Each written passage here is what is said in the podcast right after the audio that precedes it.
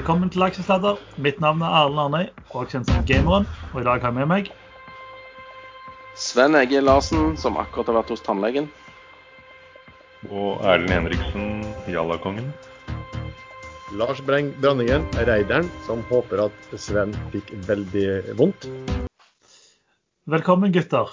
Sven, hvordan gikk det hos tannlegen? Fikk du noe spennende? Null hull. Null hull. Så du fikk Det er ikke rart du ikke hadde hull. Du slo ut alle tennene sist du lekte med grillen. Nei, men altså, eh, jeg måtte komme tilbake om en måned og skifte en fylling. og Ta ut en sånn amalgam-greie. Så det er tydelig at tannlegene har hatt det litt rolig under covid, så nå eh, Nei, jeg tror vi tar den i år. Du var litt, det, jeg tror ikke det er noe gale med den, men eh, jeg tror Men- vi må ta den nå i år. Er ikke det sånn kreft, da? Sånn amalgamfylling er sånn kreftfremkallende? Eh, ja, Hvis du ikke rører driten, så går det sikkert helt fint. Ja. vi, vi, du var jo litt seint ute, Sven, så vi satt her eh, og, før du kom inn og, og fantaserte om hvordan det hadde gått hos, eh, hos tann, tannlegen. Det var, var, det var mye, mye smerte og slåsskamp, for å si det sånn. Ja, Det var ikke tannlegen sin feil at jeg var litt sein. da. Det er helvetes Microsoft-konto-login-opplegget. Altså, For oss som er født før 2000, år 2000, det, er- de må ikke begynne med noe sånt som virkte før. Og så skal de liksom ha sånn Nei, takk for meg, altså. Men, Jeg eh, tror vi men, bruker, vi må bruke det der Team Nei, faen, det er Microsoft, det òg. men, eh, men det går fint, Sven. La oss spandere sånn datakortkurs for seniorer på deg. Så det, neste uke så er du fullt opplært i hvordan man logger inn på Skype. Ja, jeg håper det er han som har kurset. Før vi starter, Lars, kan ikke du ta disclaimeren? Den må vi alltid ha. Og ja, vet du. Vi gir ingen råd. Dersom du hører på hva vi sier her om markedet, aksjer, enkeltaksjer og livet for øvrig, er ansvaret helt holdent ditt eget. Med det tillegg at vi snakker om ofte om et stort antall aksjer. Av og til har vi ikke veldig kontroll på korrekt informasjon, så det kan godt være at vi sier ting her som rett og slett ikke er korrekt. Veldig bra. Hva skal vi snakke om i dag, gutter? Utenom at Sven var sandlegen og, og syntes det var vondt. Ingen som har noe de vil si? Ja, men Da får vi jeg starte, da. Eh, vi har fått masse spørsmål eh, som vi skal svare på litt etter hvert. Eh, det vi kan begynne med, Lars, det er jo Axo-splitten. For Den har vi jo snakket om litt tidligere. Denne uka så ble eh, selskapene splitta. Folk fikk aksjer på kontoene sine, og så har det jo gått heidundrende derfra. Ja, det har du, vet du. Altså, Aker Offshore Vind, da, for å starte med det. De, der ble det gjort en, en emisjon, retta emisjon eh, rett før det gikk på børs, på 1 kroner og 47 øre. Eh, den har gått eh, rett til 3 kroner og 85 øre. Så denne prisen nå til 2,4 milliarder. Aker Carbon Capture, der ble altså, emisjonen gjort på 1 kroner og 70 øre. Sist jeg så, så var den gått opp til 5 kroner og 1 øre. Altså opp 200 da, fra de som fikk tegne seg for noen få dager siden. Eh, og den prises nå til 2,9 milliarder. Eh, det var vanskelig, jeg, så litt på Aker Offshore Vind. bare det, altså, eh, jeg ser mye folk skriver om det, men absolutt ingen. Så, det var én faktisk i vår Facebook-gruppe Børsforum som faktisk prøvde å nedfelle litt tanker og, og vurderinger om hva verdiene kunne være. Og det var jo forbilledlig. Men ellers så er det mer at kjøp fordi dette er grønt uansett. Eh, Men det kan godt være at det er veldig bra, og Aker er jo solide, de. Jeg så bare dette vindselskapet ble jo da hadde vel en bokført egenkapital på 130 millioner kroner. Eh, før de da gjorde emisjoner og henta inn 500 millioner. Men det var jo en tilførsel av egenkapital av, via eiendeler da, fra mm, Aker Solutions. og Det kan godt være at de var sannsynligvis var de veldig undervurdert i boken, for å si det sånn. Men eh, det har vært helt eventyrlig i hvert fall å se appetitten på nye grønne selskap. Og det var jo ikke så overraskende, for det ser vi på hvordan eh, de er eh, eh, Altså andre, andre typer grønne selskap da, har gått på børsen. Jeg prøvde meg på en frekkis i den der Axo-greiene. Fordi at jeg, jeg, jeg fikk jo ikke, jeg var jo ikke kunde hos de meglerhusene som satte det. og De tok ikke telefonen heller hvis du prøvde å ringe dem. fordi at eh, dette var forbeholdt eh, Kjell Inge og venner. Eh, Så jeg prøvde meg med triks, da. Jeg lånte inn 50 000 Axo dagen før han gikk X. Nei, egentlig tidligere på dagen før han gikk X dagen etterpå. Og så solgte de ikke, jeg bare beholdt de. Så når eh, X-datoen var gått, så, så tilfalt jo disse her eh, Aker eh, Carbon og Vind eh, min VPS-konto, da. Og teorien min var da at jeg håpte at de som hadde lånt meg de aksjene, ville ha A47 pluss A70 i cash istedenfor å ha action, aksjene. Men nei da, det, det funka ikke. De svina skulle ha aksjene sine tilbake, de. Men det var en nice try, da. Ja. Slemt. Det var slemt av de andre. Eller Jeg syns det var slemt av de andre. De, de, hadde, de hadde jo en verdi på A47 og A70. Altså, jeg var villig til å gi dem det. Ja. Det hyggelig har du. Ikke noe problem. Men, eh, men det var jo kreativt da, Sven. Du skal jo ha ti poeng for eh, kreativitet. Det er lov å prøve seg når, eh, når oss vanlige ikke kommer i nærheten av meglerhuset som setter emisjonen. Men, Men du, men, du Sven, Sven er litt bare nysgjerrig på hva hadde skjedd, hvordan måtte man gjort det hvis du hadde shortet de aksjene og solgt ut de du hadde lånt inn? Nei, da hadde jeg hatt et stort problem. Ja. Fordi at jeg måtte jo skaffe de aksjene. Så jeg måtte jo kjøpt de i markedet på fem kroner og fire kroner, f.eks. Ja. Istedenfor. Så det, det jeg, var, jeg tok ikke sjansen på det. Nei, Ikke, tok ikke, men jeg kunne jo solgt de òg eh, samme dagen, fordi jeg fikk jo aksjene. De lå jo der. Ja. Og jeg hadde tjent masse penger plutselig. Men så Ja. over natten så ble de borte. Til gjengjeld så falt jo også Aker Solutions da ganske kraftig også, så jeg vet ikke helt hvordan liksom regnestykket der hadde, hadde blitt. Nei, men jeg hadde jo levert, jeg leverte jo tilbake aksjene dagen etterpå. Ja. Så det var ikke noe problem. Jeg hadde ikke shorta dem. Jeg hadde bare Ja, ja. inn. men, men- men Sven, hva, hva, er det gre hva er greia med deg liksom, å ikke få lov å være med på sånne emisjoner? For det, Lars var jo med i en veldig lukrativ spillemisjon, hvor du heller ikke fikk være med. Ja, det er mange år siden. uh, uh, nei, det, det, det har vel med at Nå fikk ingen være med, bortsett fra de som da var på søskenbarntreffet til ikke lenge. Friends and Family-emisjon. Ja. Ja, veldig bra. Vi har, eh, det er, det er ganske mange gode spørsmål denne gangen på en måte litt om hvordan vi investerer og tenker. Så jeg tenker vi tar de fordi det er alltid interessant. Og det første spørsmålet går det på Når vi tar en typisk posisjon, det er det spørsmålet til hele panelet, så vi kan på en måte begynne på Sven og ta runden. Så når du går inn i en posisjon i et eller annet selskap, hvor mange prosent av porteføljen pleier en sånn posisjon være? Varierer det, eller er det på en måte liksom en standard? Hva tror du? Nei, jeg spør deg. Det er Ja, ja, ja. Ja, men det er selvfølgelig varierer den. Altså, det, det er jo kvalitetsforskjell på selskaper. Uh, så hadde du gått inn i INSR, som sikkert noen gjorde etter forrige ukes sending, så uh, Jeg kommer tilbake til deg, Erlend, etterpå. ja, Dette var bare et eksempel, da. Men eh, det er bare for å illustrere at INSR kanskje ikke er verdens mest uh, solide selskap.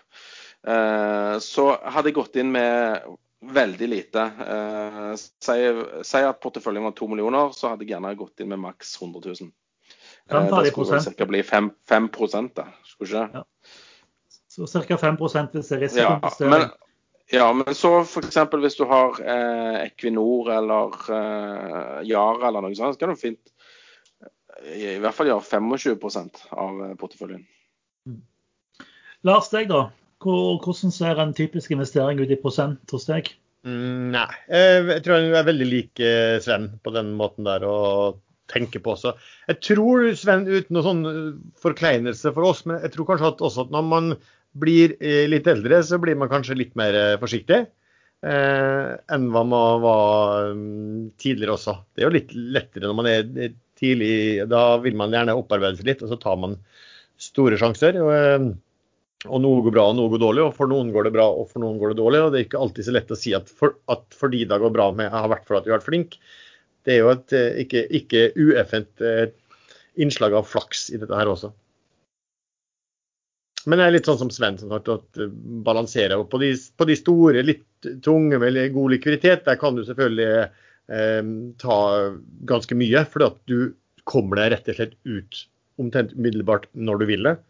Um, mens de små så er det jo annet, helt annet ballgame, selvfølgelig. Og du må bare veie risiko, eller om du, du, noe du tror på langsiktig eller noe kortsiktig, og noe liksom ellevill jalla-trade du gjør, eller hva, hva som helst. Nei, men Hvis du er ung og har fast eh, inntekt og jobb og sånn, og du har lyst til å, å bygge portefølje fort, så må du jo ta litt sjanser. Ja. Men Hæ? Hvem er han som stønner i bakgrunnen? Det kan vel være han, eh, han, unge, han unge Henriksen. Han unge fremadstormende i alle aksjene. Nei, eh, fordi at, eh, men da må du regne med at du taper alt et par ganger eh, før du får det til. Det, det har i hvert fall jeg erfart når jeg var ung og, ung og lovende. Ja, for når du er gammel, og og, er det, er det du Ja, prøver jeg hadde, my hadde mye dårligere tid før, vet du. Ja. Mye, mer, mye bedre tid nå. Men kan vi ikke hoppe til panelets eldste medlem, eh, unge Love Henriksen, og høre om hvordan han investerer? Nei, jeg gjør det nok litt annerledes. For jeg eh, er aldri long i long-long, som en så treffende skrev på Exi, eh, i noe nå. Jeg regner fremdeles med at dette krakket mitt kommer. Så jeg går ganske tungt inn når jeg først velger et case. Eh, Prøver å finne case som, eh, som har en begrenset nedside, men jeg bomma på og innser nå før dagens melding. Der gjorde jeg for så vidt to feil. Jeg kunne kommet ut med 10-12% tap, men det ble mer fordi jeg ventet for lenge. Så de hadde en presentasjon i dag. Eh, Der kom det ikke noe nytt. Eh, Det er høy risiko i det selskapet. Hvis Finanstilsynet mm, trekker tilbake konsesjonen, så ryker avtalen med Storebrand. Eh, Og da er det ikke så mye igjen av det selskapet, vil jeg tro. Så det var, eh, jeg gikk litt tungt inn, tok en sjanse og tapte på det. Eh, Og da tar jeg konsekvensen når jeg er helt ute. eh, og går videre. Men hvor stor del altså Du har jo hatt en del Jalla-aksjer som vi har snakket om. En del har gått ganske bra. Hvor stor del av porteføljen typisk setter du i en sånn en aksje? Nei, det blir vanskelig å si, for jeg, jeg har ikke så mye av porteføljen i aksjer. Jeg har bare en liten sånn jalla-beløp jeg leker meg med mest i aksjer. Det er, det er mer hobby akkurat nå. Så mm, i og med at det er en liten del av det som eventuelt kunne vært brukt, så, så kan jeg godt ta 50% av det ene i en aksje. Mm. Men det er ikke noe jeg anbefaler noen andre å gjøre. Og dessuten skal man kunne selskapene ekstremt godt før man gjør noe sånt. Og så handler det litt om på en måte å, å, å være mann nok til bare å ta tap og komme seg ut. Eh, som du er ganske god på, som en del virker å slite litt med. Altså det, Ja, Hvis man sliter med å ta tap, så skal, så skal man aldri gå inn med mer enn 5% i en aksje. Ja. Eh, man, man må lære seg å ta tap. Eh, I og med at jeg er panelets yngste, med, yngste medlem, så kjenner jeg jo litt igjen når Lars og Sven snakker. Eh, historisk har jeg hatt ganske store poster i selskap, gjerne all in i én eller to aksjer. Mens nå er jeg litt mer eh, De aksjene jeg er virkelig long i, de har jeg gjerne mellom 5 og 10% type da en Bracer som snakket om tidligere, eller Paradox.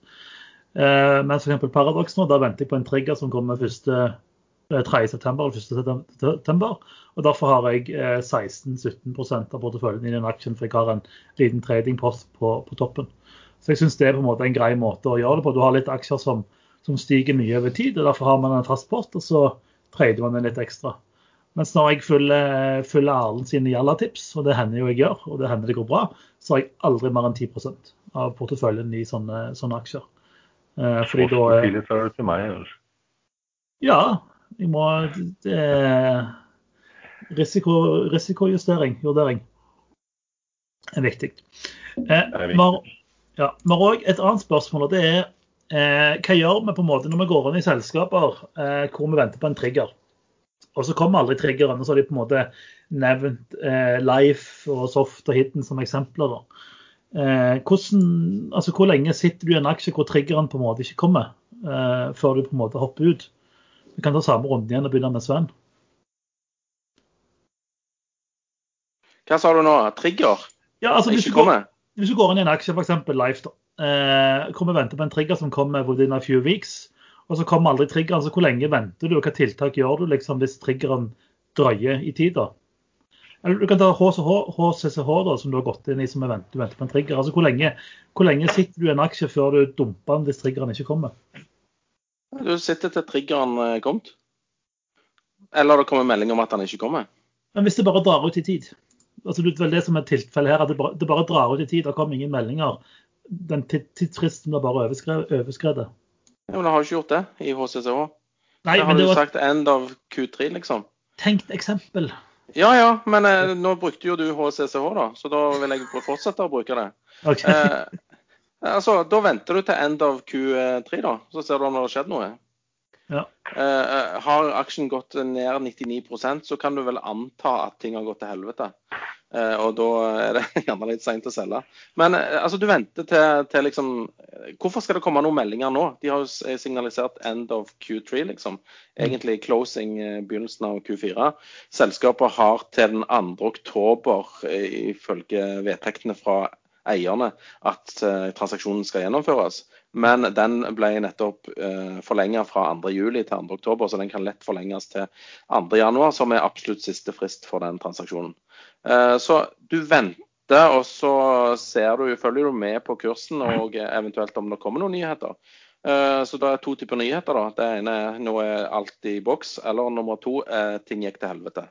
Mm. Så du må veie det. Er det sannsynlig at det går igjennom, eller er det usannsynlig? Hvis du begynner å føle at det er usannsynlig at det går gjennom, så tror jeg jeg ville sneke meg ut. Mm.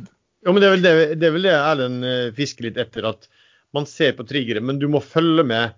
Du må følge med hele tida. Er, er, det noe som kommer av nyheter på, både på selskap eller, eller, det det skal dreie seg om, som kan indikere at det her er litt mer usikkert? Det er jo det du må sitte og følge, følge med på. Jeg har gjort det mange ganger sjøl, og venta på en sånn trigger. og så ser jo egentlig at det kommer nyhetsflow som kanskje indikerer at det begynner å bli litt mindre sannsynlig. Men av og til da er det så lett å bare være litt sånn du, Alle lider jo av confirmation bias på en eller annen måte. At du tenderer til å avfeie det litt, istedenfor bare å si OK, dette her ser dårligere ut enn når du, når du kjøpte inn. Bare kom deg ut og finne, finne, neste case. Det er jo ikke så lett, da. Men, eh, Nei, må... men jeg, ja, et godt eksempel er Filly, faktisk den tok litt tid eh, fra de signalene kom at de skulle få eh, disse her eh, opplærings- eller eh, lære, hva var det, treningsskipskontraktene mm. til de faktisk kom. Ja, men der var det litt sånn at hele tiden der så fikk du jo indikasjoner både fra selskap og fra myndigheter på at de lå fantastisk godt an. Men det tok tid, da. Men ja, men det er det jeg sier. Du fikk ja. hele tiden sånne små drypp som ja. gjør at du er eh, confident på at dette faktisk slår til. Ja. Hadde du ikke fått disse, så hadde du blitt mye mer engstelig og gjerne solgt ut. Ja. Men, men, men, det er litt interessant du sier, Sven, i forhold altså, du, du følger nyhetsflowen, du følger på en måte kursutviklingen. Er det på en måte ting som avslører at det er noe på gang? Hvis vi tar Life da, som eksempel, Erle. Der var det jo, De meldte jo 'within a few weeks', og så skjer det ingenting. Det er ingen meldinger fra selskapet innsidere begynner å selge. Eh, vi har jo snakket tidligere om en del grums som, som dukker opp i selskapet. og jeg for min del tenker at Hvis du først finner noe grums, så er det alltid mer grums. Da er sannsynligheten for at det går i boks i løpet av et par uker mye mindre. Her var det jo Veldig mye av poenget med Life var jo at de skulle ganske tidlig inn på markedet med en femminutters uh, test. Um, og når tiden går eh, de, de, skulle begynne å produsere millioner av tester allerede i juli, så de regnet med godkjenning sent juni, tidlig juli. Og når da hele juli går og hele august går eh, og det kommer ingenting, og nå har de indirekte meldt at det er forsinket, eh, da mister de fordelen ved å komme tidlig inn i markedet. Og nå i går så kom det en melding om en tilsvarende test som virker som en graviditetstest, koster bare fem dollar.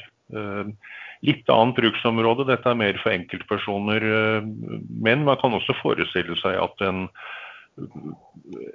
en fotballarena kjøper inn 20 000 sånne tester, og lar folk stå i kø i 15 minutter før de slipper inn. Etter å ha tatt en sånn test. Koster 5 dollar testen. At det kanskje er krav for å slippe inn. Eller på et fly eller på et cruiseskip. Så konkurrenter kommer, og konkurrenter eh, kan ta hele markedet. Man kommer seg ikke inn lenger. Så For meg så er Life ganske død som aksje, men det kan godt være at, eh, at den allikevel går. De, de, skal nok selge mer til, eh, til arena fotball, kunst, musikk, hva som helst, hvor, hvor de trenger et resultat innen fem minutter, som den testen skal, skal gi. Men det er veldig dårlig meldingspolitikk når de melder at dette kommer uh, juni-juli. Um, og så sier de ingenting når det ikke kommer. Og når, det, når, man da finner ut grunnen, så er det fordi uh, dette produktet måtte inn til videre testing. Så de har nå fått tillatelse til å teste produktet, og det kommer til å ta noen måneder. Så her hadde de tydeligvis, jeg vil si det er helt soleklart, at de har gjort en for dårlig internjobb først. De, de testene de selv gjorde, var ikke bra nok. De ble ikke godkjent av FDA eh, og det europeiske målestykket. Så de måtte teste mer. Og da, da, er de litt sånn tilbake til null. og Da tar det tid, og da er plutselig markedet borte. Men det er ikke sikkert. Det kan godt være et godt kjøp, men det er ikke noe for meg lenger. Men eh, litt tilbake til triggerne. Eh, det som på en måte er litt interessant i den, den, bransjen jeg holder på med, nemlig spillbransjen, så handler jo alt veldig mye om triggere. Og da litt sånn som du sier, Søren, altså det mange av triggerne er litt fram i tid, og du må hele tida finne informasjon som ikke er der, for å få bekreftet om, om triggeren er der eller ikke. Eh, F.eks. nå venter jeg på i Paradox på Crusaders King, som er nye spiller, som kommer 1.9. Hvordan kan vi på en måte se om spillet kommer i markedet? Jo, vi kan følge alt selskapet poster på blogger og, og vise spillet, for, for, å sannsynliggjøre at det faktisk kommer den datoen. Et annet eksempel hvor vi venta på, på en trigger som hadde kommet, var i Funcom, som lagde et spill i USA. Hvor spillet skulle komme gitt tidsrom. Eh, så kom aldri spillet. Eller det kom ingen nyheter. Og da litt sånn, Skal man håpe at spillet kommer den datoen som på en måte er indikert, eller det tidsrommet, eller må man begynne å grave litt. Og så finner man ut at hmm, de søker en jeg husker ikke hvilken rolle det var, men det er basically en av hovedrollene for spillutvikling. Og det er et sånn faresignal. Og så finner noen ut at eh, hvis du går an, det er en side som heter Glassdoor, hvor du kan på en måte, hvor ansatte som da typisk eh, slutter i et selskap, kan gå an og revue selskapet. Og Da ser vi at oi, på det kontoret til Funcom så var det litt problemer. Og så finner noen ut at den rollen de søker, han som hadde den rollen, han har fått seg ny jobb. Og Da kan man anta at oi, de har store problemer med det spillet. Den datoen og den triggeren kommer aldri. Og det fikk man jo rett i. Så, eh, så nei, det, det, med trigger er interessant. Har du noe å si, Lars, eller skal vi hoppe videre? Nei, jeg har et eksempel til. Okay, fjor, fjor 1, der ja. var triggeren. Uh, der kom de med melding etter at de hadde kjøpt ut han Moen. At de ville kjøpe ut resten av aksjonærene til eh, samme vilkår som eh, Fredrik Moen fikk da. Eh, og så, Da venter du jo på at du skal bli kjøpt ut til 47,5 kroner. og Du kjøper aksjer og venter. Og av, Et av vilkårene som må være oppfylt, er at eh, båndholderne sier eh, ja til at eh, det foregår en sånn change of control eh, uten at de må betale ut eh, båndholderne. Og, og, Det var et forslag som ble sendt til båndholderne. Uh, og det så ut som uh, Og det kom en melding om at uh, samtlige ting som sto i båndholderinnkallingen, ble vedtatt. Men det som hadde skjedd innimellom, det var at de hadde sendt et revidert forslag. og du måtte egentlig være jurist for å skjønne at de hadde tatt bort det forslaget om at båndholderne ikke skulle få penger hvis det skjedde en change of control, eller at selskapet ble tatt av børs. Så eh, jeg trodde jo alt var i sin skjønneste orden, men så snakket jeg med en som sa at nei, det vilkåret ble trukket fra innkallingen til båndholdermøtet. Så, så, her skjer det ikke noe på en god stund. Så, så da solgte jeg. Fordi at da skjønte jo jeg at den triggeren ikke kommer med det første. Og det kommer sikkert til å ta litt tid, fordi at de må da, eh, for at båndholderne skal få penger, refinansiere det obligasjonslånet. Og det stemte, det budet kom aldri? Eh, har du sett noe bud? Nei, jeg vet ikke. Jeg følger ikke den aksjen, så jeg, eh, jeg, vet ikke. Nei, altså nå for at det skal komme et bud, så må faktisk båndholderne få eh, bli innløst. Ja. Og ja. det krever en ny refinansiering. Og det kan være litt krevende, kanskje. Jeg har faktisk, jeg har faktisk fortsatt aksjer der, men den ligger på, i og for seg på samme nivå. Men det er litt sånn der at, som Sven sier, at der, er man ikke den har ikke falt så veldig mye, da, men uh, den ligger på det nivået jeg kjøpte vel innpå også. Uh, og vel så det. Men uh, Nei, jeg fikk, de, jeg fikk, de, ut rundt 46, tror jeg, fordi at folk hadde ikke funnet ut det ennå.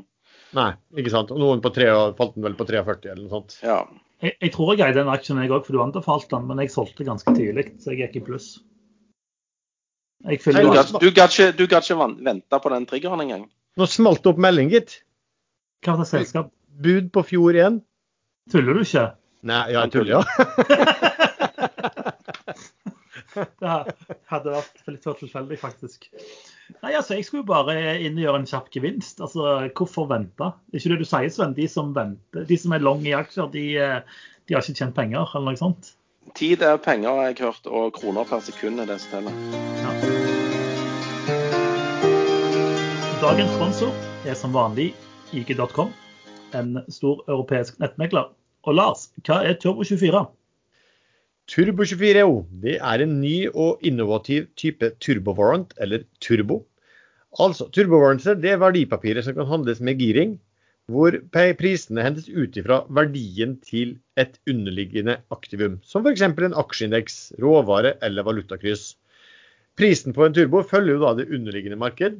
Det vil si at du kan bruke en, en turbo til å ta posisjon på bevegelsene til et aktivum uten de høye kostnadene eller logistiske problemene som gjerne følger med med å kjøpe og selge verdipapirene direkte. Hvor mye hver prisbevegelse er verdt, kommer an på turbovarentsens multiplikator. Du kan kontrollere denne i plattformen gjennom å klikke på informasjon i ordrevinduet. Sørg for at du handler riktig antall turbovaranter for å få den markedseksponeringen du ønsker. Så turbo, ved Turbo24 så kan du altså ta vare på tradingmulighetene døgnet rundt, fem dager i uka. Du kan handle kurtasjefritt. Eh, du kan reagere raskere med IGs banebrytende teknologi. Du kan trade på en markedsplass med full innsyn i ordreboka. Og du kan gjøre enkel planlegging av trades med turbokalkulatoren til IG, som er innebygd i plattformen. Dersom du ønsker å trade Turbo 24 eller andre produkter hos IG, kan du gå inn på ig.com eller følge linken i podkasten. Følg gjerne òg IG på sosiale medier. NAS kom jo med en Q-rapport. Noen av dere som har sett, fått sett på den? Jeg har sett veldig fort på den og så at de tapte masse penger.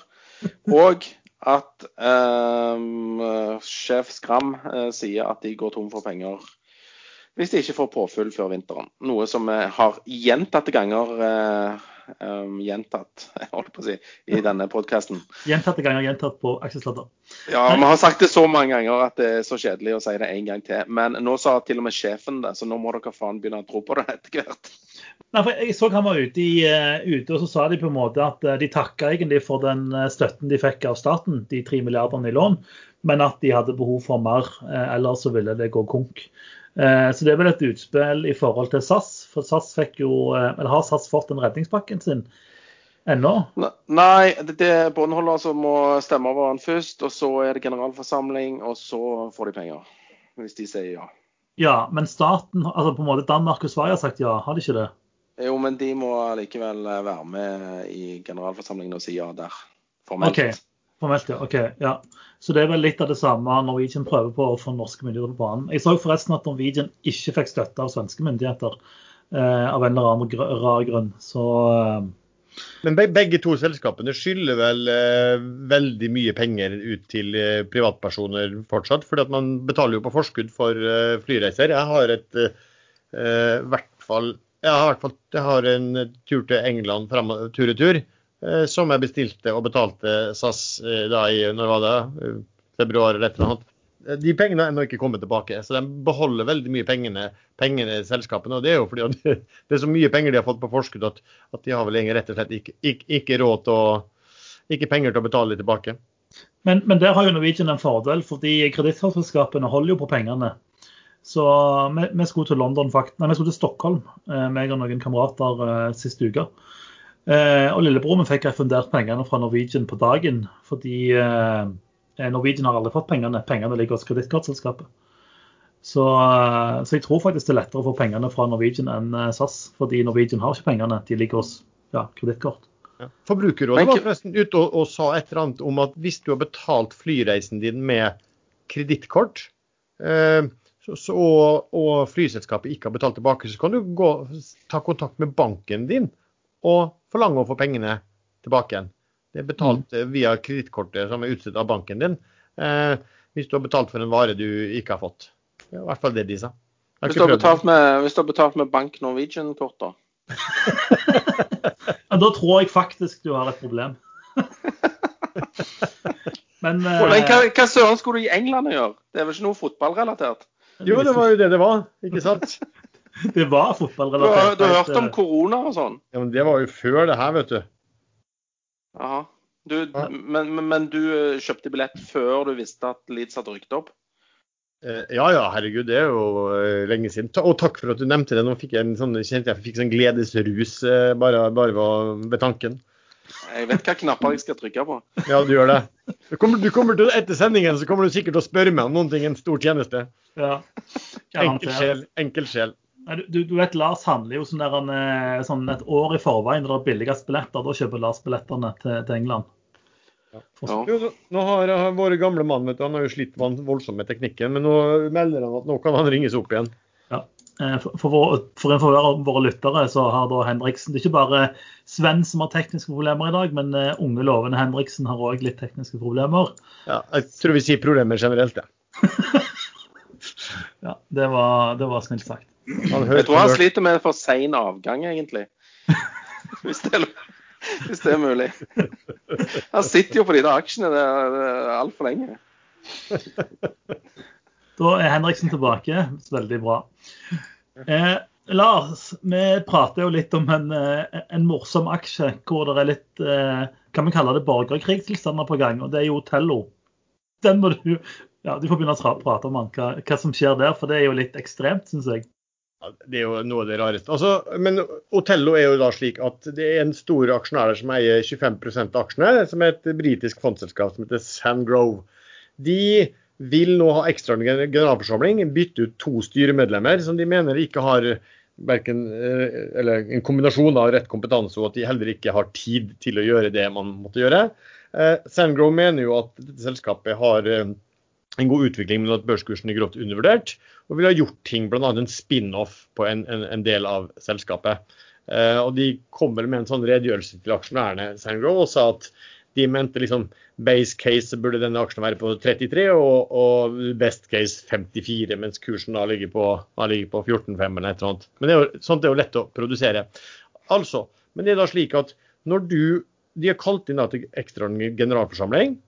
Eh, og med nytt styrevalg. Og I den, den type selskap så har du noe som heter nominasjonskomité, eller valgkomité.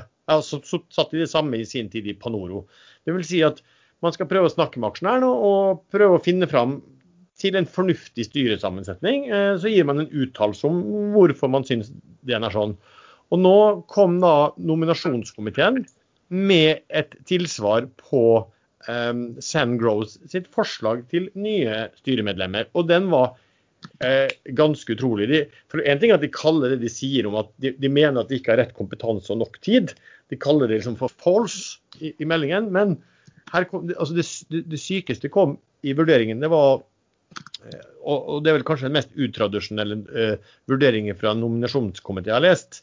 Så høydepunktet, eller bunnpunktet kanskje om du vil, det kom med at de skrev at et, et, et, et enkelt internettsøk viser at someone, altså en eller annen med samme navn som personen Sand Grove foreslår som eh, styreleder, har blitt nevnt i tilknytning til det såkalte Panama Papers. Det var jo sånn skatte, altså folk som brukte skatteparadis. Eh, og da skriver nominasjonskomiteen i dette her at de vet ikke om det er samme personen. Og nettsiden hvor det står at han er nevnt i dette, her, gjør klar at alle disse personene, som da er veldig mange, betyr ikke at de har gjort noe, brutt noe lov, eller at de har gjort noe som ikke burde gjøres på noe som helst måte. Men, men, men bare da skrive noe sånt, at du, du, du, du vet at en person kanskje har blitt nevnt i tilknytning til sånne papirer, og du vet ikke engang om det er samme person, eh, er jo helt det, det, det det er så tullete at det er helt ubeskrivelig. Og det kan jo da Da må man jo bare si at nominasjonskomiteen går til full krig, full krig pluss, eh, mot sin eh, største aksjonær. Ja, det jeg så i meldingen, er på en måte at de skriver jo at eh, vi anbefaler å stemme mot eh, dette forslaget. Her er linken for å stemme vennligst stemme imot. Og jeg tenker, Er det lov å på en måte skrive det i en børsmelding? liksom Stem imot, her er linken for å stemme imot. Du rigger jo Eh. på en måte valget mot, mot eh, motparten.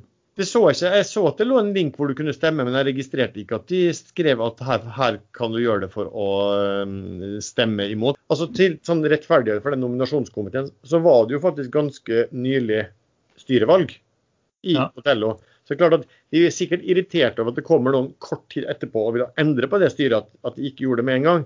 Men det virker litt sånn gutteklubben grei, eh, passe på våre egne folk når de på den måten går så ekstremt hardt ut mot største eier som vil bytte eh, styremedlemmer.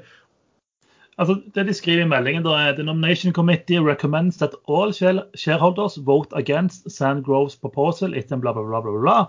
So that the current board and nomination committee continue until the next ordinary shareholder meeting. By using the following link, you can vote online, bla, bla. Du må stemme inn denne datoen og det er klokkesettet. Jeg syns det er litt grovt, jeg. Altså, det er liksom eh, Vennligst stem imot vår fiende. Her stemmer du imot, liksom. Men eh, jeg vet ikke. Nei, men det, det er også greit at en nominasjonskomité har et forslag eh, til hva man skal um, stemme på. Men du bruker å skrive på en litt sånn seriøs og ordentlig måte. Det er flere Lars, som har spurt om en Inser-oppdatering. Kan ikke du ta den mens eh, Henriksen eh, feilsøker maskinen sin? Skal vi ta, For de som lurer, så klarte både Sven Egil og eh, Erlend å finne kameraet sitt samtidig. Og stol på meg, to ganger traderuniform. Det er ikke et syn du ønsker. Men eh, Lars, eh, Inser, eh, flere lurer litt på om du ikke kan ta en oppdatering på aksjen som ingen burde kjøpe, og som er strengt tatt ikke anbefalt overhodet å kjøpe. Uh, ja, det kan jeg gjøre. Vi snakket jo om den på forrige fredag, så gikk den jo ganske mye på fredag. Og så, litt sånn tilfeldig, så kommer da på fredag ettermiddag så kommer altså ABG Sundal Collier ut med analyse på denne lille myggen. Uh, hvor de finner sier at det er fire scenarioer for dette her. Uh, og de vekter det og anbefaler da kjøp på kurs 1 kroner og 12 øre. Så da tok jo det riktig fyr også på mandag, eh, og kursen steg ja, relativt kraftig da også. Så hadde de da eh, rapportering i dag. Um, og som jeg sa sist gang, så er det faren her er egentlig at det ligger bomber i regnskapet. Um, de kom med tall for Q2, og selve forsikringsbiten i Norge eh, gikk egentlig helt grei, den. Men så dukka det opp på nytt igjen en smell. altså De holdt på å avvikle i Danmark, og nå dukka det opp igjen en smell at de hadde ikke satt av nok da, for, for ja, de pengene de kom til å måtte ut med der. Um, og Det var jo den stor fare som, som nevnt i forrige um, aksjesladder. Så skrev de ned altså goodwill og IT og alt det med uh, mange hundre millioner, men det var liksom en given. Uh, når du skal avvikle et selskap, så kan du ikke sitte igjen med det på balansen. og Det var heller ikke noe som, som i mitt regnestykke var tillagt noe som helst verdi. Um, nå, hadde jeg en webkast også. det er Kanskje heller Erlend kan si noe om. Jeg vet ikke helt hva de sa da, for nå eier jeg ikke noen aksjer der lenger. Men eh, de snakka vel om at de kanskje kunne bli et lite investeringsselskap etter avvikling. Eh, og eh, ja. Så, så her går det fortsatt på om hva kommer av avsetningssmeller, og hvordan kan du bruke fremførbare underskudd, og hva er faren for at Finanstilsynet trekker vekk altså tillatelsen til å drive videre umiddelbart, eller om de lar de holde på et lite års tid og avvikle. Men eh, når vi er inne på denne aksjen her, da. Eh, dette var jo eh, noe som ble snakka om i forrige episode ganske kraftig. Og så lurte jeg på når solgte dere? Jeg vet jo at Erlend solgte noe for litt siden, men dere to andre? Jeg har aldri eid den. Jeg, og, var du ikke med på kjøret? Nei, nei. Jeg, ikke, altså, er, jeg har en gjeldabegrensning, og den, den, jeg eide aldri aksjen. Ha. mandag, mandag solgte jeg. Ja, med en gang, altså? en gang jeg kjøpte den vel tidlig på fredag, eh, tror jeg, og så solgte jeg på mandag. Ja, ja men hvordan fikk du ABG-analytikerne til, til, å skrive det notatet? Nei, det, var, det, var, det var, nok han som avlytta oss, tenker jeg. for at, eh, altså, Notatene var vel ikke så ulikt liksom, redegjørelsen min også, for at, eh, hvilke muligheter som fantes. Nei, det var, det var tro han hadde fått input en plass.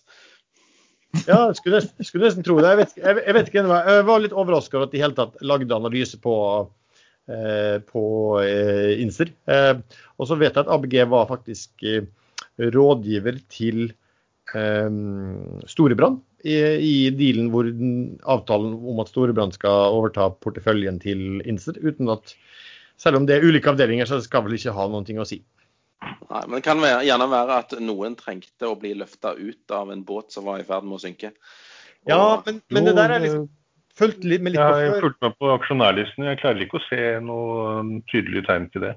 Okay. De store har ikke solgt. Det er, eh, det er nettbankene som pumpet ut aksjer. Riktig det, Erlend. Riktig det. Den største posten jeg så var på 1,2 millioner, men den kan også være flyttet over til en annen, fra Enskilda-banken. Det, det er jo ingenting. 1,2 millioner aksjer av 60-70 øre. Nei, da var det neppe ugler i mosen. Men det lover å være litt sånn mistenksom. Når kom Maren eh, Henriksen seg ut, da? Nei, eh, for sent under, eh, under 0,60 i dag. Og du Sven, du var ikke med på Insar-moroa? Nei, jeg snakket jo drit om han sist uke òg, så vidt jeg husker. Det gjorde du vel, for så vidt. Skal vi prate om, eh, om resirkulering? Jeg har funnet, funnet meg en ny aksje så jeg har lyst til å prate litt om. Pumpe heter det. Nei, nei, eh, prate. En skikkelig aksje. En skikkelig aksje. en skikkelig aksje. Har du funnet Eh, en skikkelig aksje? Det kan vi vel ikke ha? Nei, det, jeg, altså det ble så mye jalla, og vi har jo fått så mye spørsmål om, eh, om ting å snakke om. og det er liksom, eh, vi, vi, vi må ha noe som ikke er fullt så jalla, tenker jeg. Så da skal vi snakke litt om resirkulering og miljøvern. Tenker Sven. Å nei, snork. Eh, men eh, for de som vil ha mer bakgrunnsinfo, det er et program på NRK som heter Resirkulering. Veldig verdt å se. Eh, fordi eh, i Norge er vi jo superflinke til å resirkulere plastikk, ikke sant Sven? Ja. Ja. Eh, og Det finnes eh, to måter å resirkulere plastikk på. Det ene er det man kaller materiell gjenvinning, og det man kaller energigjenvinning. Noen som vet hva forskjellen på dette er? Jeg tar det som et nei, siden ingen vil svare. Materiellinnvinning. når, når Sven drikker Cola Zero, sånn som jeg gjør, fordi når du har en BMI som er over snittet, så er Cola Zero bedre enn Cola. Eh, og Når du da skal gå og pante disse flaskene dine Sven, på denne tomrautomaten, hvor du bare kan tømme hele posen din, som er ganske kul, eh, så blir de flaskene presset flate, og så blir de delt opp i masse små deler. Eh, og så går de til materiellgjenvinning, altså man bruker materiell om igjen. Men det er ganske vanskelig å få til, og, og det krever at plasten er ren. altså Det må være én plasttype i, plast, altså i flaska eller i, i innpakningen. Og det kan ikke være for mye matrester. så Hvis på en måte Lars går og hiver ei halvfull eh, ketsjupflaske, så blir den sendt til energigjenvinning. Energigjenvinning betyr egentlig bare at man brenner plasten, fordi da får man ut varme. Eh, Så Norge er egentlig sykt dårlig på gjenvinning, fordi energigjenvinning regnes også som gjenvinning, selv om man egentlig bare brenner det. Eh, Og det er faktisk Stavanger som er best på materiell gjenvinning, fordi vi har brukt mange millioner på et anlegg. eh, Og her gjenvinner vi da eh, hva er det, 18 kilo per innbygger i året. Mens den grønne hovedstaden, noen som vet hvor mye de gjenvinner i den grønne hovedstaden per person? Er Jeg vet grunnen, jeg vet grunnen til svaret du kommer med snart. Ja, Det er grønne Oslo som styrer, altså Miljøbastion Oslo. De gjenvinner da tre kilo per innbygger. Så de som trodde at MDG var et miljøparti, dere har misforstått. Der må jeg korrigere det. Det var eh, det gamle Høyre-bystyret som eh, vedtok et veldig komplisert uh, rense- og sorteringsanlegg uh, som ble bygget ute på Skullerud, den forbrenningsanlegget der ute. Eh, hvor man da hjemme må sortere mat, plast og vanlig avfall hver for seg.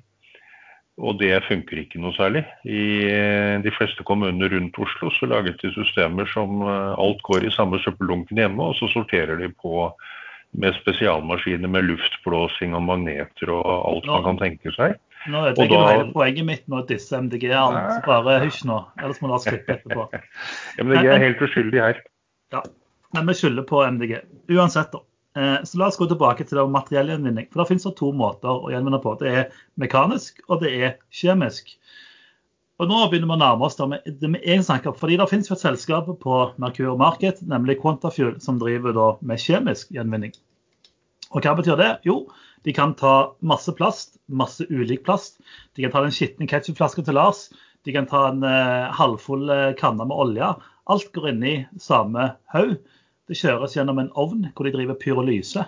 Og så tenker sikkert Sven pyrolyse, det har jeg på eh, kjøkkenovnen min, men ikke prøv dette på kjøkkenet, Sven. Da lukter det fryktelig vondt. Eh, og resultatet er olje som inneholder ganske mye rart. Eh, Quantafuel har en del konkurrenter som gjør akkurat det samme. Men konkurrentene produserer kun denne olja som egentlig inneholder alt som var i plastikken. Klor, eh, alt mulig drit. Det Quantafuel gjør, som er litt kult, det er at de tar denne olja, og så rett ved siden av så har de da et lite raffineri. Så raffinerer de den olja. Og da får de to produkter. De får nafta, og de får diesel. Eh, nafta er man bruker til å lage plastikk, så du får en råvare til å lage plastikk, og du får diesel som kan brukes i bil. Og så har flere sagt at jo, men det er biodiesel de får. Nei, nei, de får helt vanlig diesel.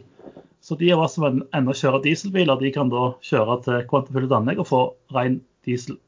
Men så til ting. hvorfor skal på en måte Quantafuel lykkes? Eh, jo, EU eh, e holder på å innføre nye regler på eh, plast. All plast som ikke resirkuleres, eh, får en avgift. Jeg tror avgiften er 200 euro per tonn, jeg er ikke helt sikker. Spørsmålet er hva regnes som ikke resirkulering. Det som havner på søppeldynga, det er ikke resirkulering. Jeg antar at det som blir brent i dag under såkalt energigjenvinning, det, det vil òg få denne avgiften. Mens det som da kjemisk eller mekanisk resirkuleres, vil slippe avgiften. Det betyr at råvaren til Quantafuel den får de betalt for å motta. Eh, Pareto har gjort en analyse eh, som kom ut i januar, tror jeg, eller desember. Så hvis du har tilgang til den, så er den verdt å lese. Det er veldig mye, punkter der. Hvor de antar at de får ca. 100-120 euro per tonn med plastikk betalt. Så sier Quantafuel får betalt for plastikken de mottar. Så de tjener penger på å motta driten. Og så raffinerer de og brenner dette, eller eh, og kjører de pyrolysen. Og så får de fire produkter hvor det er hovedsak to de får mye av, nemlig diesel og nafta, som de òg kan selge. I tillegg får de naturgass som de bruker selv, og så får de en aske med høyt uh, uh, ja, der er iallfall Den asken kan brukes i, i fjernvarme. Så jeg ser på den aksjen der. Den har gått eh, nokså godt denne uka. De hadde en Q2. Eh, anlegget i Skive i Danmark er ikke oppe å kjøre ennå. De har hatt litt problemer med korona eh, og få tilgang på ekspertene skal få det opp å kjøre. Eh, de antar selv at det skal være opp å kjøre i løpet av kort tid. De har starta en feed-studie sammen med Rambol for å se hvordan de skal utvide anlegget og bygge skive 2. Og de har òg eh, samarbeid med BAFS i Tyskland eh, for å bygge anlegg på deres fabrikker. BAFS i dag kjøper all naftaen de lager. Nafta kan lage plastikk av. Og de skal òg bygge ett eller to joint venture-anlegg med BAFS på deres anlegg for å på en måte ta imot og sortere plastikk. Et litt interessant ting med dagens eh, plastikksystem, eh, nemlig mekanisk gjenvinning. Når du putter disse Pepsi Max-flaskene dine i automaten, Sven, vet du hva som skjer med de etterpå? Blir de ny Pepsi Max eller Cola Zero-flasker? Tipper nei. Helt korrekt. Fordi i Norge, og egentlig i hele Europa, så er det ikke lov å bruke resirkulert plastikk til matkonteinere. altså det så jeg på TV på det NRK-greiene. Ja. Yes. Det er der du har stjålet all infoen fra sammen. Bare innrøm det. Det er helt korrekt. Så, så, jeg trodde jo at på en måte flaskene i panta de ble nye flasker. Det er bullshit. Eh, den av oss som tar i mest resirkulert plast, er nok Erlend. Eh, for når du er på byggevarebutikken og kjøper sånne svarte bøtter, vet du, sånne industribøtter, de er ofte lagd av resirkulert plast. Mens naftaen som Quantafuel brukes, den kan brukes til helt ny, fin plast som kan brukes til flasker og alt annet. Så eh, jeg har ikke eid så mye ESG-selskaper før, eh, men jeg har litt tro på Quantafuel. Eh, og når man leser analysene til meglerhusene, så har de to kurser. De har en kurs som ligger rundt der med nå. Og så har de en kurs hvis de klarer å kommersialisere gjøre denne teknologien kommersiell, som er veldig, veldig, veldig mye høyere.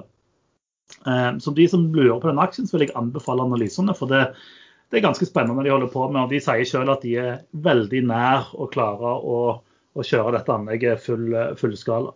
Men hva tjener de på et, altså Jeg ser de priser i dag til rundt 5 eh, milliarder før de har fått opp fabrikken sin. Hva, hva, liksom, hva sier Meglerhusen? Hva, hva, skal de, hva, skal de, tjene på en sånn fabrikk? Liksom? Hva, er inntjeningen på en fabrikk? Hva, koster det å lage, og hva er inntjeningen? Nei, Fabrikken de har nå er ganske liten. Eh, den, tar, den på skive tar bare 18 000 tonn i året. Mens de sier selv at de anleggene de skal bygge, de kommer til å være mellom 50 og 100 000 tonn i året eller mer. Eh, så kan du jo regne. sant? De, får, de tar 18 000 tonn, og så får de 100 euro per tonn inn. Eh, og så skal vi se om eh, ja, 8, skal jeg si selv, 800 kilo ren plast blir ca. 1000 liter av denne naftaen de lager. da, Eller om det er diesel. Jeg husker ikke. Men eh, Jeg har ikke regna på tallene ennå. Eh, men de skal få flere anlegg. Og analysene skriver litt om på en måte hvordan ja, inntjening og sånne ting. Men det er et DSG-selskap. Det er ESG-priser. Men eh, de løser et problem, og med den avgiften som sannsynligvis kommer ganske kjapt, så kan det være et, eh, et bra bet. Men har, sånn, har, de noe altså, IP på det? Har de, noe, har de noe teknologibeskyttelse på det de holder på med, eller hvor lett kopierbart er det? Eh, altså alle, alle, konkurrentene de har, har kun eh, til og med pyrolysen. Altså Konkurrentene produserer den olja som inneholder ja, alle de rare tingene. Det er ingen konkurrenter som har satt opp dette raffinerianlegget. Eh, og jeg tror det er òg der problemene de har hatt, ligger. Eh, så det kan være de klarer å kopieres, men foreløpig er det ingen som på en måte har testanlegg engang. Mens eh, Quantafuel har jo hatt dette anlegget egentlig oppe siden før nyttår. De har bare blitt eh, litt ramma av korona i forhold til å fly inn eksperter for å ja, gjøre siste testene og, og få de operasjonelt. Men vet de at det virker? Ja, de sier selv. De har, et, de har testet dette i labber i, ti år. Og så har de et lite testanlegg i Sverige som, som kjører, kjører, full produksjon. Eh, og så er dette første store fullskalaanlegg. Så planlegger de neste anlegg som blir fem ganger større igjen, som skal ligge på samme, samme tomta. Men det er vel en liten restrisiko, er det ikke det? For at det ikke funker i stor skala? Det kan være. Eh, på presentasjonen så sa han eh, sjefen sjøl at eh, dette er siste gang jeg står foran dere og sier at nå er vi snart klar. Eh, de har sagt det siden januar. Eh, Pareto, eh, Pareto hadde en, en seanse med han i, januar som ligger ute, som jeg anbefaler å se. Og da var de òg rett rundt hjørnet. Så de har hatt litt problemer med å komme i gang, men markedet har jo tolka som at nå, nå, er de snart klare til å kjøre, kjøre på. De har òg landa avtale med Grønnpunkt Norge, som på en måte driver og samler inn denne plasten. Så noen har troen på det de holder på med. Jeg ble invitert til å være med på den første emisjonen i det selskapet eh, via Sparebank1. Det var før de var eh, notert, det? Ja, før de var på unotert. ja. Jeg takket nei. Og Hva var kursen da, Sven? Jeg tror det var rundt 14 kroner. Ja, ja Før, før uh, splitten? Uh, ja. Og tilsvarende 140 nå? Nei, tilsvarende 1,4 kroner nå, og nå er den på 40? Ja, den, den har banka 43 ganger i dag, så den ligger rett under. Da var, det var litt dumt å takke nei til den, var det ikke det, Sven? I ettertid så kan det nesten se sånn ut, ja. Nei, men det, det, var faktisk en som jeg har jobba med litt før, som heter Inge Berge. Han var sånn uh, chief uh, uh, invest, altså sånn IR ansvarlig. Så han sendte meg masse sånn Jeg trodde jo ikke på det, jeg trodde bare det var sånn tryllerigreier.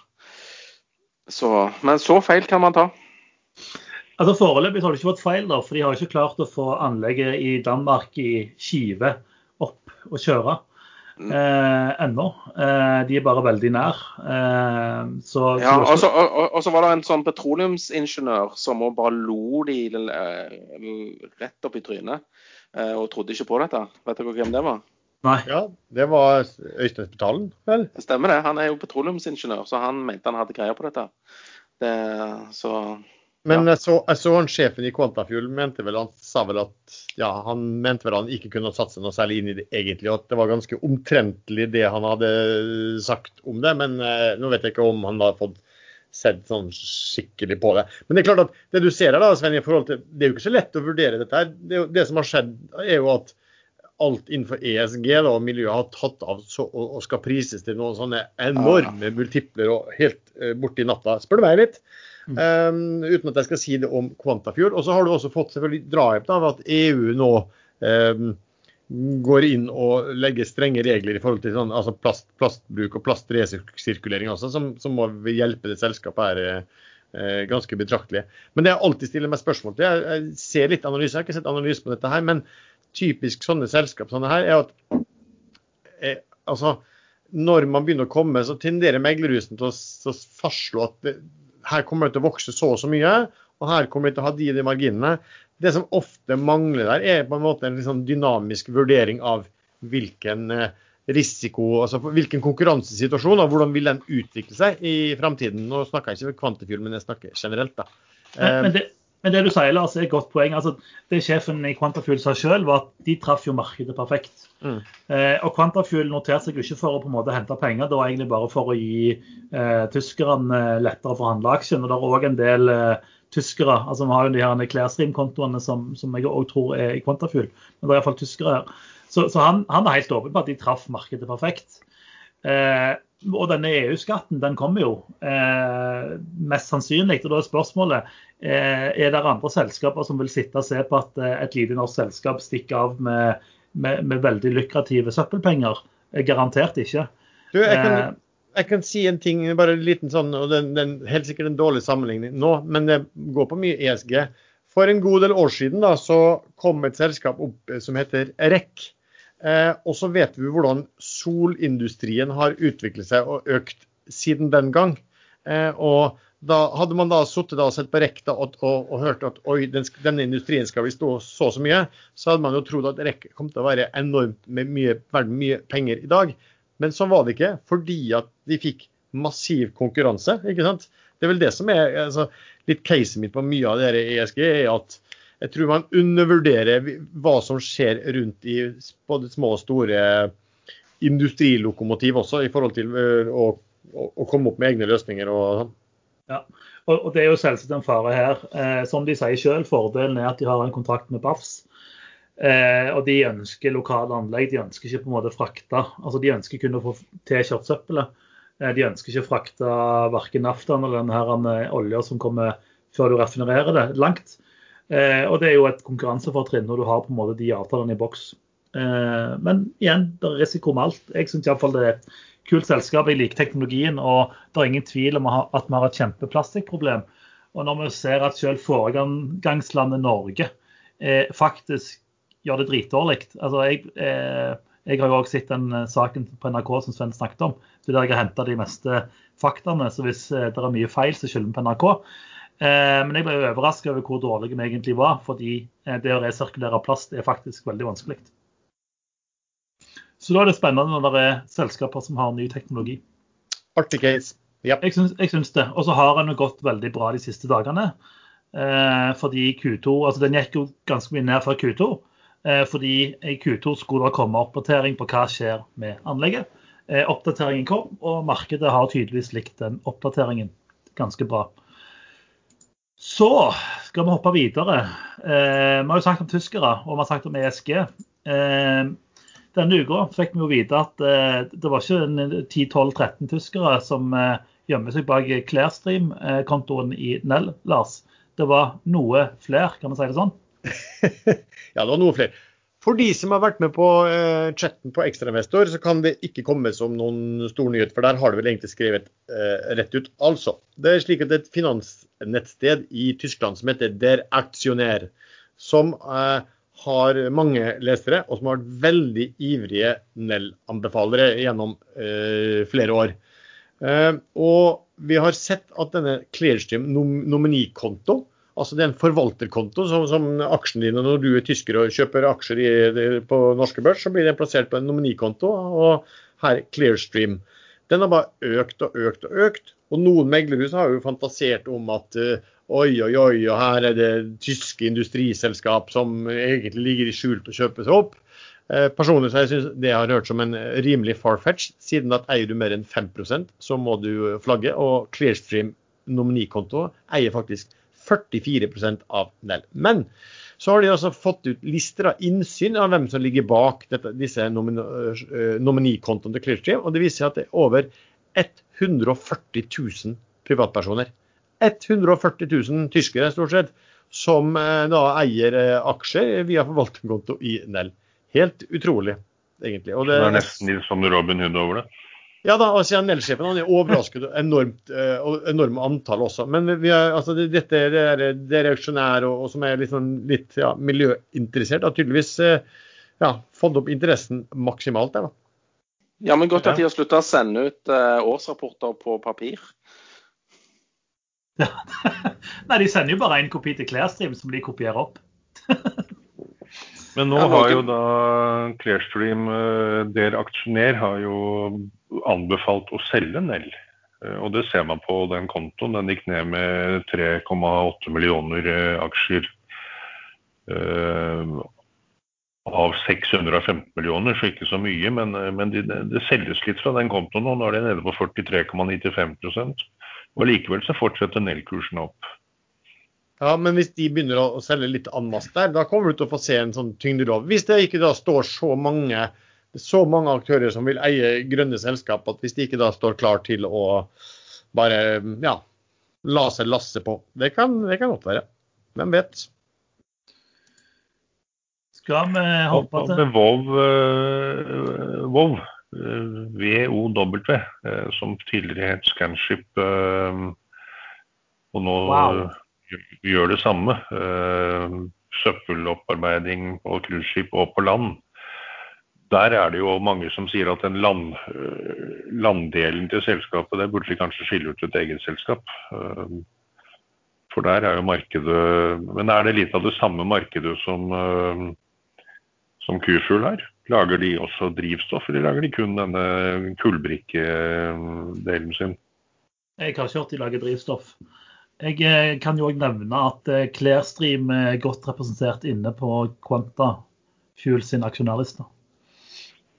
Men vi aner jo ikke men vi kan, så vi kan anta at det ligger, at det ligger eh, masse småkontoer bak der. Så det er tyskere i Quanta Fuel òg, så jeg syns det er litt kult. Bare for å, å, å nevne det. Men eh, tilbake til Nell. Vet vi hvorfor de har anbefalt å selge Nell? De gir aksjonær. De er overpriset. De mener at den har tatt ut potensialet på oppsiden, og nå finnes det andre billigere bett. Ja, sånn, ja. Så, men de sier ikke at selskapet er dårlig, eh, men at nå er den eh, fantasipriset, skrev de faktisk direkte. Når, når gjorde de det? Det er lenge siden, eller? Det er noen uker siden. OK. Tre-fire uker siden var det vel jeg så det første gang. Vi har eh, mer grønne spørsmål, så vi bare kjører hele SG-segmentet ferdig her. Og så kan vi ta noe sånn skitten olje etterpå. Eh, Sven, eh, HCCH er det jo flere som eh, har eh, spurt om oppdatering på. Og jeg vet at du hater å snakke om de samme aksjene uke til uke til uke. Men eh, når det kommer en anbefaling, så er det på en måte straffen. Eller sovner Er det Sven? straffen, ja? Ja, det er straffen. For det Straffen å kunne snakke om uh, mitt favoritt-hydrogenselskap. Det er Ja. straffen. Det er en god straff. Det er en god straff. Hva har skjedd? Det har skjedd noe der. Det kom noen meldinger og greier. Ja, eh, som jeg antyda sist podkast, så var det et meglerhus uh, hvis navn rimet på ærlig, som hadde gjort en transaksjon, og den var jeg med på, sammen med 33 andre som var så heldig å få lov å tegne aksjer. Uh, Fearnley henta 25 millioner dollars, som skal sikre at eh, den er, det ene vilkåret eh, i fusjonsavtalen er oppfylt når eh, selskapet er slått sammen. Um, og det fjerner jo litt risiko. Uh, det som er det spesielle, da, er at disse aksjene, eller emisjonen, vil ikke bli gjennomført hvis ikke fusjonen blir vedtatt. Uh, sånn at på en måte så er det en litt sånn risikofri Eller ikke risikofri, for aksjen kan jo falle etterpå. Men skjer ikke fusjonen, så eh, får jeg heller ikke aksjer og slipper å betale. Eh, Disse pengene skal stå på en eh, escrow-konto fram til fusjonen er vedtatt. Noe som ventes å skje i september. Men altså, disse pengene skal, Det er jo et produkt som heter HCCHR. Og hvis du har ti stykker av de på ti av de, så kan du konvertere det til en aksje. sant? Ja, De blir konvertert automatisk ca. en uke før eh, closing av eh, fusjonen. eh, Etter at den er vedtatt av begge selskap. Ja. Og det, og det er dette pengene som går til. For hvis fusjonen ikke skjer noe av, så vil òg de der HCCHR-rettene de vil bare forsvinne og bli ugyldige eller verdiløse.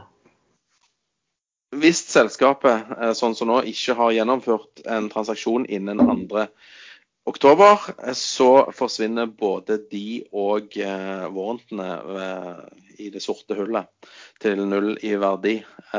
Den datoen 2. oktober er en dato som kan stemmes over og at skal forlenges. Så det er ikke det. Det, det trenger nødvendigvis ikke nulles. Men har det skjedd noe innen 2. oktober, per n- sånn som vedtektene er nå, så, så nulles de. Den kan da forlenges til 2. januar, var det ikke det du sa? Det kan det. Og det er det som står i fusjonsavtalen som den siste datoen i, i denne fusjonen. Men de vil, Men risikoen uh, forsvant vel mye når de nå hentet inn over 20 millioner dollar nettopp i denne Ja, det var, det, det var risiko fordi at uh, de eksisterende uh, aksjonærene i HCCH, altså den vanlige aksjen, de har en put-opsjon mot selskapet. Den fikk de når de gikk inn i, i selskapet til å begynne med. Eh, der de kan selge tilbake, altså få tilbake pengene sine eh, til 10,56 dollar per aksje, hvis de ikke har lyst til å være med på fusjonen. Men det gjelder vel ikke bare de eksisterende aksjonærene, det gjelder også de som kjøper over børs i dag og nesten Ja, ja, selvfølgelig. selvfølgelig. De som eier aksjen, de kan frem til en dato eh, kreve å få disse pengene tilbake. Og da, eh, det tappes jo, da tappes jo kontantbeholdningen til selskapet. Så eh, emisjonsbeløpet på 25 millioner eh, sørger for at vilkåret for nok penger i kassen er oppfylt. De må jo sette farten for gjort det her mens det er en uh, hype av uh, Ja, jeg tror, de, jeg tror, egentlig de jobber så fort de klarer. Men ja. Hvis du har sett på de dokumentene som da blir eh, sendt inn til CC og finansmyndighetene i USA, så er det advokatmat så det holder. Og bare det å, å tegne i denne emisjonen eh, Det dokumentet som da jeg måtte signere på, det var ca. ti sider. Eh, og det måtte òg selskapet eh, sende en signatur på etterpå. Og det ble endret i hvert fall én gang. Eh, ordlyden i det. Bare sånne små kommating. Så det, det tar tid.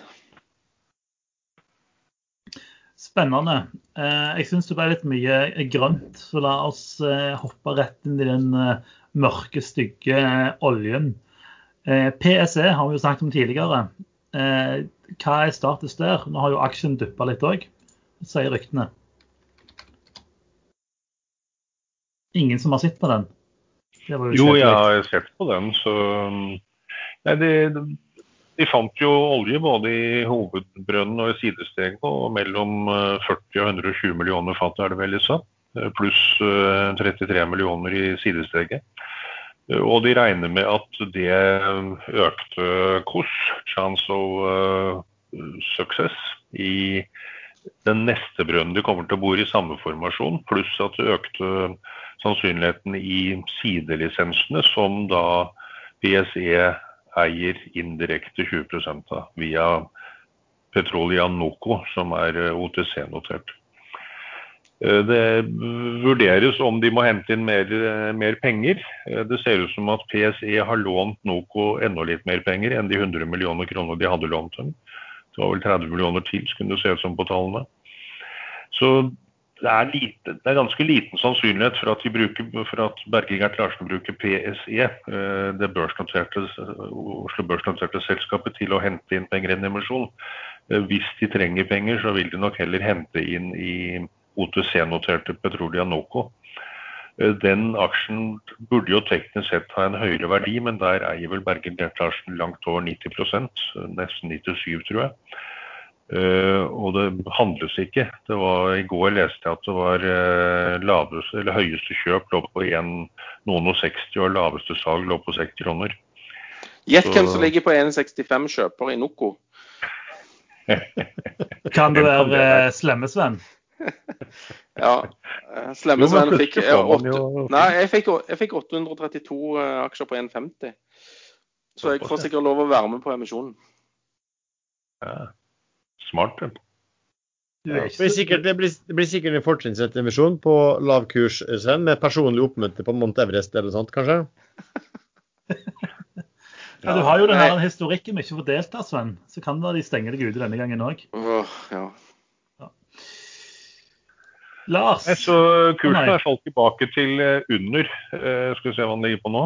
Uh, PC, er det noen som har den oppe? Ja, 7,85. Det er jo det er 5,5 kroner under der den lå og vaket før de kom med oljefunnet. Eh, så jeg tror det er et veldig godt kjøp. Nå jeg har ikke gått inn igjen selv. Eh, forrige gang så var Forrige gang så satt jeg en stund med den og tenkte at eh, risikoen øker når tiden går, så jeg solgte alt. Men da, da hadde jeg tatt en 15-20 på den, men den gikk jo 50% på åpning dagen etter at de meldte funnet. Så det var, det var litt surt, men sånn er livet. Men, den, men, men den, den, gikk vel fra tre kroner? Opprinnelig lå ja, det tre, tre, kroner før de meldte om, eh, om det første ja, det var, funnet. Det var mulig å kjøpe den under, under tre kroner i, før sommeren. Ja, Før de meldte om funn, ikke sant. Så det har jo fortsatt steget mye fra ja. Så det, det, var en vurdering når den da lå vaket over 8 kroner og jeg lå 15-20 i gevinst, så tenkte jeg at da tar jeg heller med meg den gevinsten og går videre. Uh, Men det er selvfølgelig da ganske surt å våkne opp til børsmelding om eh, stort funn og 50% opp på åpning. Men eh, sånn er børslivet. Man kan ikke gråte over det, og man kan heller ikke gråte over tap. Man må bare snu seg rundt og gå videre. Jeg spøkte litt med at du led av sånn for sein avgang, eh, men jeg, jeg, hører jo nå at du lider av for tidlig avgang òg. Ja, det går begge veier, det der. Kompleks, kompleks, kompleks type, du. Men eh, det er jo et greit, Sven, for da er du ikke alene om det, tenker jeg. Nei, men jeg, jeg tror det har, med sånn, at det har med objekter å gjøre. Eh, okay. Sånn at eh, det er objektavhengig om det går for tidlig eller for, for sent. Ja. Dagens tips, for det er alle klager som hvis vi ikke har tips. Eh, Sven, skal du begynne? Hadde egentlig ikke noe tips, men jeg kan gi et spekulativt uh, tips i uh, Das United States of America. en, en bulkaksje som heter så mye som Synergy. ticker SHIP, altså SHIP. Der eh, ble det henta penger til 0,70 dollar eh, via Fearnley eh, der òg, faktisk, for halvannen uke siden. aksjen sto i 1,25 før de henta de pengene på 0,70. Nå er aksjen i 0,46. Den har bare falt etter den emisjonen, fordi at emisjonen inneholdt òg en warrant på 0,70, som er Eh, innløsbar i fem år fra emisjonsdato til 0,70. Sånn at den har falt ned til 0,46. Jeg tror den vil få en rekyl, eh, gjerne opp til 0,6 eller noe sånt, i hvert fall. Så jeg, kjøpt, jeg, eh, var med på emisjonen, jeg solgte de med en gang. Men sitter kun med warrants, men har nå kjøpt igjen på 0,46 uh, de to siste dagene. Se opp for en liten rekyl. Lars, noen eh, ikke anbefalte tips fra deg i dag? Du kan få tre. Tre Oi. skal du få. Kinderegg. Du skal få det litt kort, tar helt av i dag. Og to av dem er ganske store selskap. Eh, det ene er Yara, faktisk. Eh, de begynner vel nå over helgen, om jeg ikke husker helt feil. Tror det var 1.9. Kan du sjekke det, folks? Eh, så begynner de med å kjøpe tilbake 5% av egne aksjer. De har solgt et anlegg i Qatar som de fikk 1 milliard dollar for. Nå skal de kjøpe tilbake 5% av sine egne aksjer over et par kvartaler. Får vi se på tempoet på det. Og så er det vel slik at de har også sagt da, når Q3 kommer, at da kommer de til å eh, gi en melding om ekstraordinært utbytte. Og man antar at et ekstraordinært utbytte der kan komme til å bli oppimot 35 kroner. Der kan du få 10% Så den er, kan nok være fort greit å ha når det en, kommer en stor kjøper inn på den. Eh, så har jeg en grønn en. Eller det vil si en grå med grønn, som er nevnt i dag. Eh, jeg har sett den nevnt flere ganger. og altså, Finansavisen skrev en stor artikkel om det i dag. Subsea 7. Altså, de har eh, et område som driver med renewables. Um, vindkraft gjør oppdrag på, for, for vindkraftinstallasjoner offshore.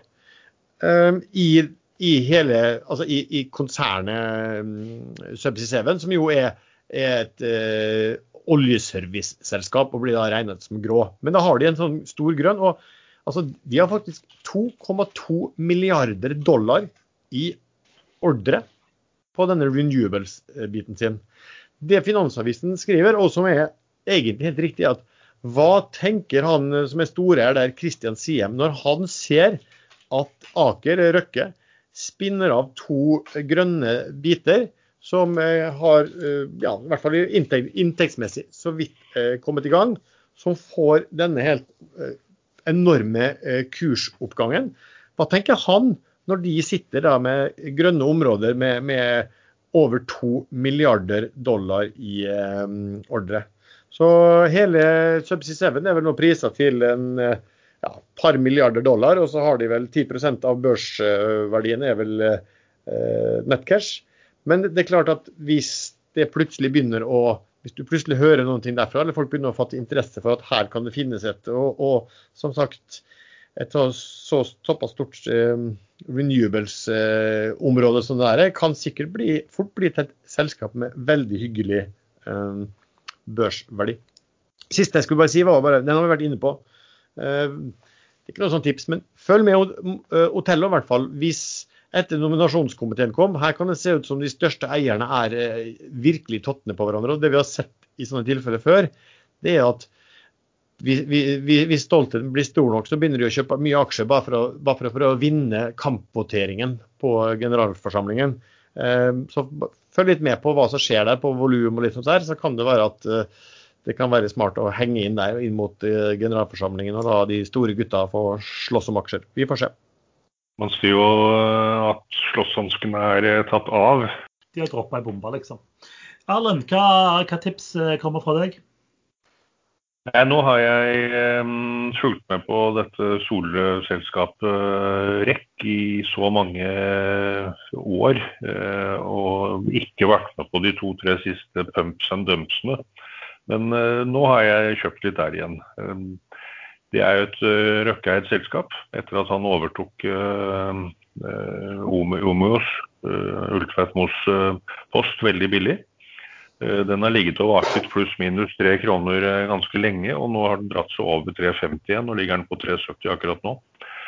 Eh, det var vel en liten artikkel om den i Finansavisen på nett i dag, og den kommer vel i papiravisen i løpet av helgen.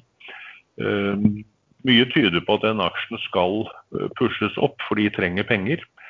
Og at det blir satt en emisjon. Men den kommer til å bli fulltegnet selvfølgelig av Røkke, altså han tar sin andel. Laker-systemet.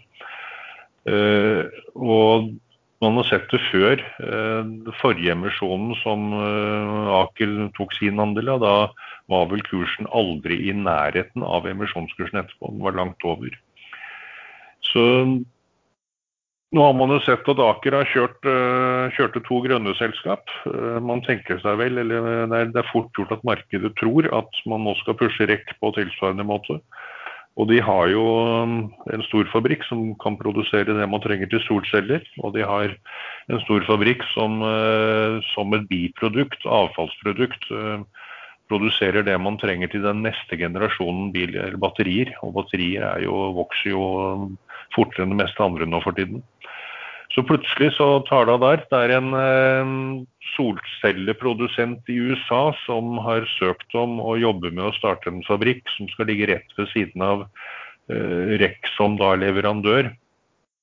Og man skal ikke se bort ifra at uh, Trump setter på tommeskruene på Kina enda mer og blokkerer kinesiske solceller ute fra det amerikanske markedet. Og da vil jo uh, det markedet tar helt av for den produsenten, og da med REC som leverandør. For det er ikke så mange andre leverandører i USA lenger av, av disse wafferne som man trenger til eh, solcellepanelene. Så mm, plutselig så kan REC gå både high og sky high. Eh, men det, kan, det man ser nå, kan også være enda en dump eller enda en pump, og så kommer det en dump etterpå. Men det nærmer seg at det skjer noe i REC. Spennende. Har du noen andre aksjer? jeg kommer til å følge med på Insir eh, framover. Nå ligger den på 0,5657. Um, den er jo da ned eh, rundt 20 er det vel i dag. Um, men får de godkjennelse fra Hvis Finanstilsynet trekker tilbake advarselen om, om at de skulle trekke eh, godkjenningen tilbake, da, da vil den aksjen gå en del.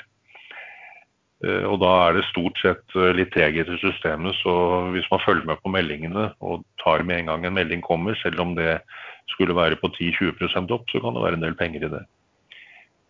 Så brent barn skyr i kilden? Nei, caset er jo fremdeles intakt. Men eh, markedet ble skuffet når det ikke kom noen eh, gode oppdateringer på dagens presentasjon. Den var kjedelig. De virket litt sånn tafatte når de holdt presentasjonen. Eh, nesten litt oppgitte. Og da straffes sånne aksjer hardt. Men caset er egentlig akkurat det samme. De har et enormt framfullbart underskudd. Hvis noen kan benytte det, så er det godt over to kroner aksjen. Spennende. Jeg eh, har eh, egentlig to tips. Tre tips. Eh, fortsatt en Bracer som jeg har sittet i en stund. Den kommer jeg til å eie fram mot høsten, fordi en Bracer lager dataspill og spill til konsoller. Og hva skjer i høst? Jo, da kommer en ny Xbox og da kommer en ny PlayStation. Og da kommer det òg en bråte med spillanseringer. Ellers så har jeg en større post i Paradox, eller PDX, som selskapet heter. Eh, de slipper et spill 1.9.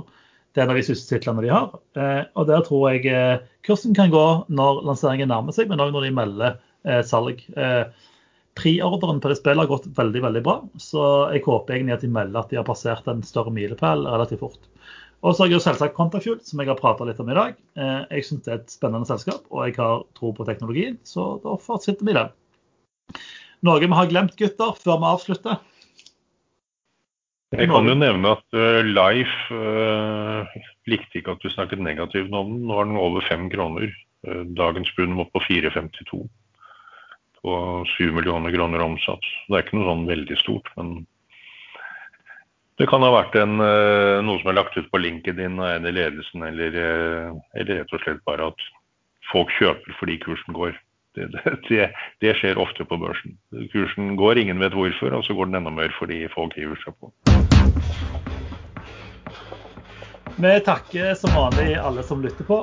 Eh, husk å eh, gå inn på podkasten Aksjesalder på Facebook. Bli med i gruppa der hvis du ikke er medlem. Der er det mulig å stille spørsmål. Ellers er vi òg på Ekstrainvestor på vår egen kanal der som heter Aksjesladder, og på Børsforum på Facebook. Har du ikke gitt oss fem stjerner på iTunes og Spotify, gjør gjerne det, fordi det gjør at flere mennesker får lov å høre på, eller sånn, får lov å oppdage den fantastiske podkasten.